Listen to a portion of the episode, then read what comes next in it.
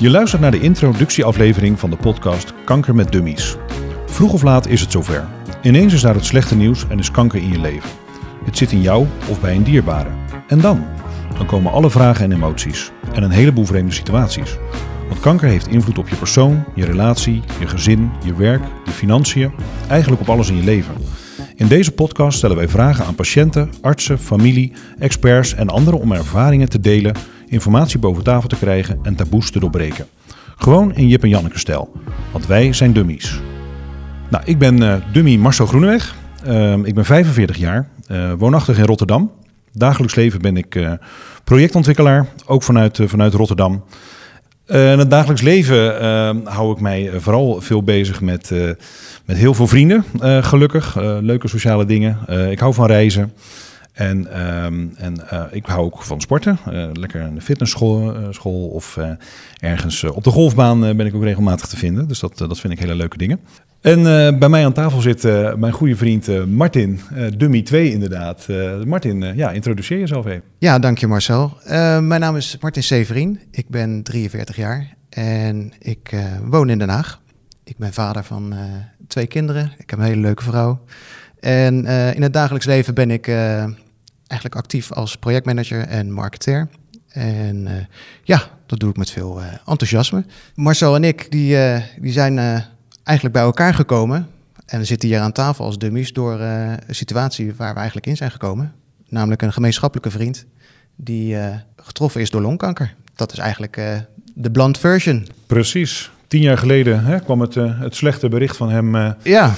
Dat hij inderdaad longkanker had.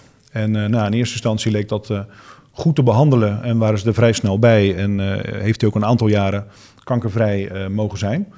Maar al vrij snel bleek inderdaad dat dat nou ja, toch niet van lange duur was en, en opnieuw de kop opstak. Ja, helaas. En ehm, nou ja, goed, wat wij toen, vooral in die laatste fase, Marcel, hebben wij dat vanaf de zijlijn best intensief meegekregen, maar toch in een roes beleefd. hoe hoe, hoe hij eigenlijk vocht voor zijn leven, hoe hij op zoek ging naar alternatieve behandelingen en hoe hij daar gelukkig heel, heel goed in slaagde eigenlijk om ja, een goede kwaliteit van leven, zo'n goede laatste 3,5, 4 jaar door te brengen met, ja, met zijn gezin, met vrienden, met, met anderen. En ja, hij had een wens.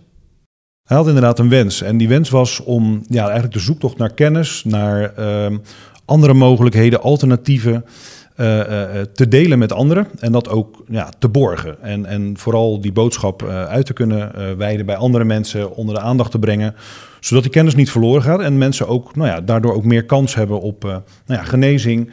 of in ieder geval ook weten dat er meer mogelijkheden zijn dan ze wellicht in het begin denken, hè, als je een diagnose ja. krijgt. En dat had hij graag zelf gedaan. Helaas uh, was hem dat niet meer gegund uh, op het laatst. En, en toen is hij eigenlijk met ons het gesprek aangegaan van... Goh, ik, ik heb een paar ideeën. ik zou dat heel graag zelf willen doen, maar dat gaat me niet meer lukken. Willen jullie daarvoor het stokje van mij overnemen en iets neer gaan zetten met ja, elkaar? Ja, en zo zijn wij eigenlijk hè, dagelijks met elkaar in contact gekomen. Precies. En met een aantal anderen. En hebben we daar een, een, een vorm aan gegeven. En hebben we Stichting One Love for Life opgericht... En uh, ja, met deze stichting uh, willen we eigenlijk uh, indirect het doel van onze vriend Araldo bewerkstelligen. En wij geven daar eigenlijk onze eigen draai aan. Want ja, wij zijn zelf gelukkig dummies op dit vlak. Wij zijn geen Precies. ervaringsdeskundigen. Ehm, maar wij weten wel van wat we hebben meegemaakt dat er heel veel aspecten rond, rond kanker zitten. welke vorm dat dan ook is. En dat er ja, een heleboel lastige situaties en, en, en taboes ook omheen spelen. En heel veel invalshoeken. Want ja, je zit erin als partner, uh, als patiënt, uh, als goede vriend, als arts.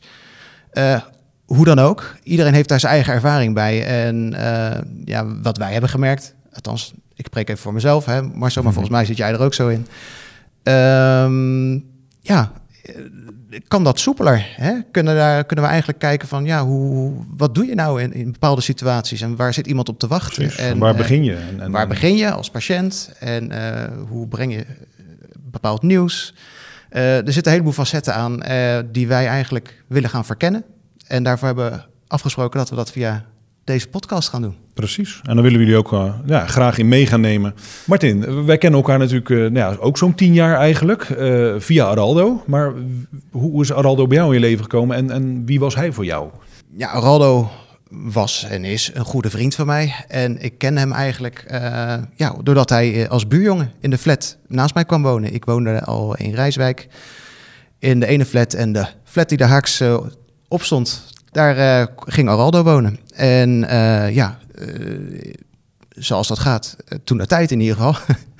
Uh, toen speelde we nog veel buiten. En uh, ja, sowieso ben ik eigenlijk bevriend geraakt met Araldo. Ehm, we hadden gezamenlijke vrienden. we hielden allebei van sport. Dus we waren veel aan het basketballen. We hielden van muziek. Araldo ja, draaide zelf ook plaatjes. Hij was eigenlijk DJ. Een brede interesse voor muziek, allebei. En uh, ja, we zijn later ook naar dezelfde middelbare school gegaan. En uh, ja, goed. ja, Aldo is one of the guys, zoals we dat noemen. En ja, dat maakte natuurlijk ook wel heel erg shocking voor mij toen het slechte nieuws kwam over zijn gezondheid. Um, ja, hij was ook de eerste uit mijn vriendengroepen, ja, die, die eigenlijk toen betrekkelijk jonge leeftijd zo'n diagnose kreeg. En ja, ik heb dat toen wel heel bewust ook meegekregen. En ja, dat klinkt misschien een beetje gek, want ik zit hier als een dummy, maar ik, ik, ik heb het ook wel een beetje als een, roes ervaren, uh, hoe zijn reis is gegaan. Ik, hij heeft mij eigenlijk meegenomen in zijn reis, een soort van half op de bagagedrager. En wij hebben hem als, als vriendengroep en, en, en, en denk ik als hele kring daaromheen geprobeerd te steunen en te faciliteren en het gezin te steunen in, in, in al die fases eigenlijk. En, en in die hele rollercoaster die er toch wel is. Want ja, met longkanker is het eigenlijk toch vaak wel een strijd op leven en dood direct. Um, uh, vooral in de latere fase natuurlijk, dan, dan uh, worden de opties uh, wat anders. Um, dus ja, dat, dat maakte ja, dat het heel erg bewogen was voor mij persoonlijk. Uh, en dat ik, ondanks dat ik het heel, van heel dichtbij heb meegemaakt, eigenlijk dat toch als soort van als een in een roes heb beleefd. En uh, ik, ja, ik, ben benieuwd hoe dat bij jou is, uh, Marcel, hoe je het ervaren hebt. En misschien kan je ook nog even vertellen, ja, hoe jij de eerste moment was dat je Raldo leerde kennen, want en hoe lang geleden dat is. Ja, nou, dat is uh, een iets ander traject gegaan dan, dan bij jou. Ja. nee, het grappige was dat mijn vrouw al heel lang geleden, ruim 20 jaar geleden, met hem kennis, kennis heeft gemaakt via ook weer andere vrienden.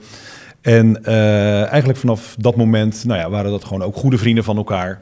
En in de hele studententijd en, en lang daarna, als ik Araldo mag typeren, dan ja, ik hou toch altijd maar het voorbeeld voor ogen van als hij in de lift stond bij iemand om op bezoek te gaan en hij kwam iemand tegen in de lift, dan voordat hij de lift verliet, had hij er weer een vriend bij. Het was gewoon iemand die super sociaal was, open stond voor alles. En, en ja, als je eenmaal de klik met hem had, dan, dan had je een vriend voor het leven erbij. En, en zo heb ik hem ook mogen ervaren toen ik weliswaar tien jaar later met hem in contact kwam. En ook met zijn, met zijn vrouw en zijn twee kinderen. Uh, daarna ook gevraagd door hem om, uh, uh, samen uiteraard met zijn vrouw Pili, om, hoe heet het, peetkind, of, of peet oom en tante van, van zijn zoon te worden. Dus dat schept dan nog eens een keer een dichtere band. En dan zit je ook natuurlijk nog heel erg ook in, in elkaars leven. Ja, en vervolgens kwam natuurlijk inderdaad ook die, dat, dat schokkende bericht. eigenlijk vrij snel al toen ik hem leerde kennen voor, voor dat eerste traject ja. tien jaar geleden. Uh, ja, waarin hij net een kind had van, van een jaar, of nog geen jaar eigenlijk. En, en ja, zo ontzettend daarmee bezig moest, uh, moest gaan om inderdaad te overleven. Uh, dus, dus dat heb ik wat minder bewust meegemaakt, omdat ik toen nou ja, net hem kende, zal ik maar zeggen. Ja. Um, maar ja, we hadden ook heel veel dingen die ons verbonden. Dat was wel heel mooi. Hè. Hij is breed geïnteresseerd. Hij is breed geïnteresseerd, ja. zeker. Dus ook de muziek en, en ook een lief, liefhebber van whisky. Dus we hebben wat whiskyfestivals uh, gedaan met elkaar.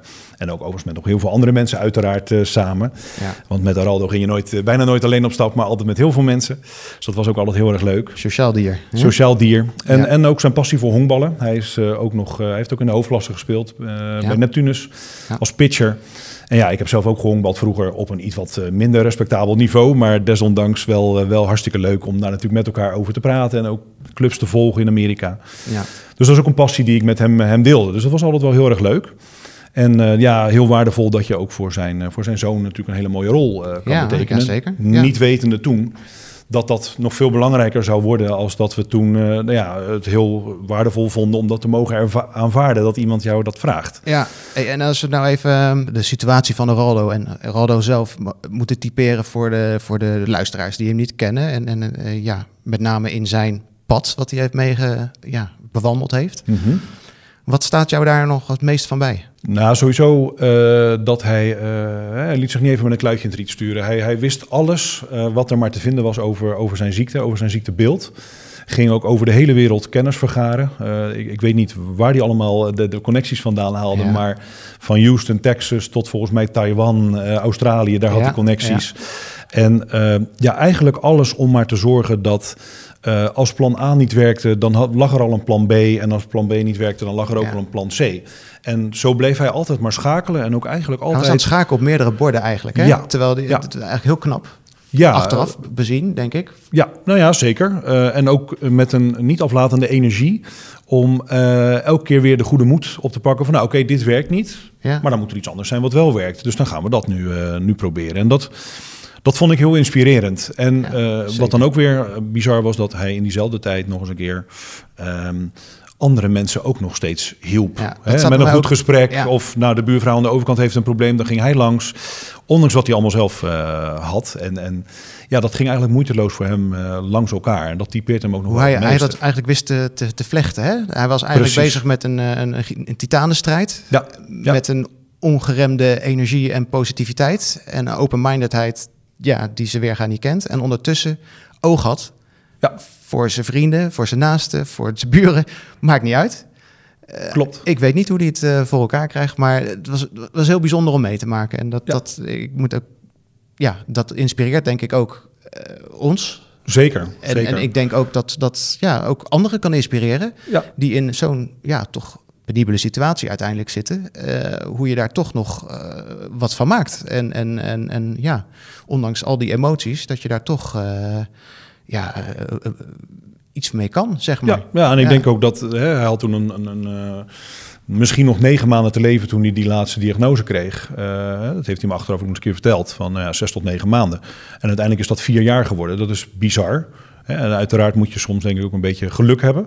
Maar ik weet zeker dat de effort die hij erin gestoken heeft om altijd maar bezig te blijven, dat dat een hele goede drive is geweest ook om, om aan de gang te blijven. Ja. En wat ik dan andersom wel weer mooi vond, en dat is dan misschien wel wat minder leuk, is dat uiteindelijk toen aan het eind van het traject eh, ja, toch het onvermijdelijke eraan zat te komen. En dat voor hem niet acceptabel was, hè, want dat was natuurlijk gewoon, dat bestond niet, dat dat een keer kon eindigen ook.